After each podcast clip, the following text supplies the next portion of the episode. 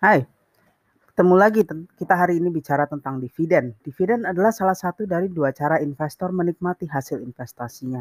Yang kedua adalah capital gain. Dividen diambil dari laba bersih perusahaan. Laba bersih yang tidak dibagikan akan menjadi laba ditahan.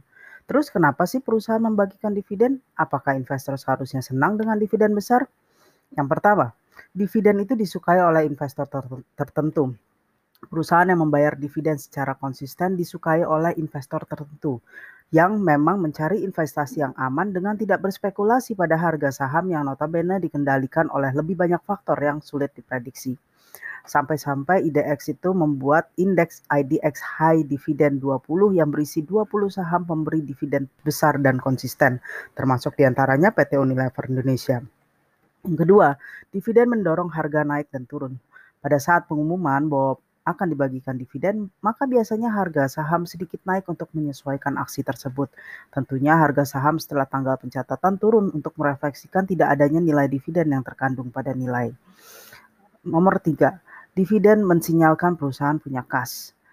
Laba bersih tidak selalu mencerminkan berapa kas yang dimilikinya. Laba tinggi, kasnya jebol pun bisa. Sebaliknya, laba 100 juta mungkin arus kasnya bersih, arus kas bersihnya 200 juta. Itu pun mungkin.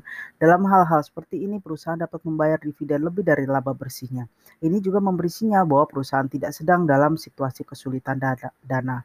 Eh, omong-omong, sinyal ini tidak berlaku loh bila perusahaan mendistribusikan dividen saham. Dividen saham adalah dividen yang diberikan dalam bentuk saham, kebalikan dengan dividen tunai yang diberikan dalam bentuk uang atau tunai. Dividen dalam bentuk saham hanya akan menambah jumlah saham yang beredar sehingga timbul efek dilusi. Perusahaan biasanya melakukan ini dalam situasi di mana mereka harus mendistribusikan dividen karena satu dan lain hal, tapi tidak punya kas untuk melakukannya. Nomor 4, perusahaan tidak mempunyai rencana investasi dalam jangka pendek.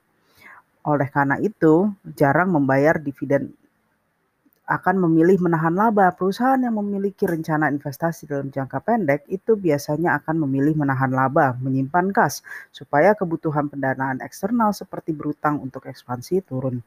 Padahal menahan laba sama saja dengan meminta investor berinvestasi ulang pada perusahaan.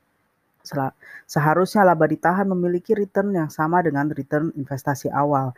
Jadi kalau tidak mungkin menawarkan return yang sama, lebih baik bagi perusahaan untuk mengembalikannya saja pada investor. Ini kan memberikan keleluasaan bagi investor untuk berinvestasi di aset lain. Dengan tidak adanya rencana investasi jangka panjang, maka harga saham perusahaan akan cenderung stabil. Maka investor yang mencari capital gain biasanya jarang mencari saham pemberi dividen besar. Nomor 5, Dividen yield itu merupakan indikator murah atau mahalnya saham. Bila investor hanya ingin dividen, maka dividen yield dapat jadi indikator harga saham fair. Dividen yield adalah dividen per saham dibagi dengan harga saham. Makin tinggi dividen yield, makin cepat pula investor akan menerima kembali investasinya. Indikator lain adalah price to dividend, kebalikannya dengan price uh, dividend yield. Ia merupakan hasil dari harga saham dibagi dengan dividen per saham. Bila angkanya menunjukkan lima kali, maka investor akan mendapatkan investasinya dalam lima tahun. Tentu saja ini diasumsikan dividen tahun tersebut akan tetap dibagikan dalam lima tahun berikutnya. Nomor 6, pertumbuhan dividen perlu diperhatikan juga. Selain besarnya dividen, tingkat pertumbuhan dividen yang diberikan itu harus uh, sesuai dengan paling tidak sesuai dengan tingkat inflasi yang sedang berjalan. Oke, silahkan mencari saham-saham yang memberikan dividen besar kalau itu memang sesuai dengan uh, gaya investasi Anda.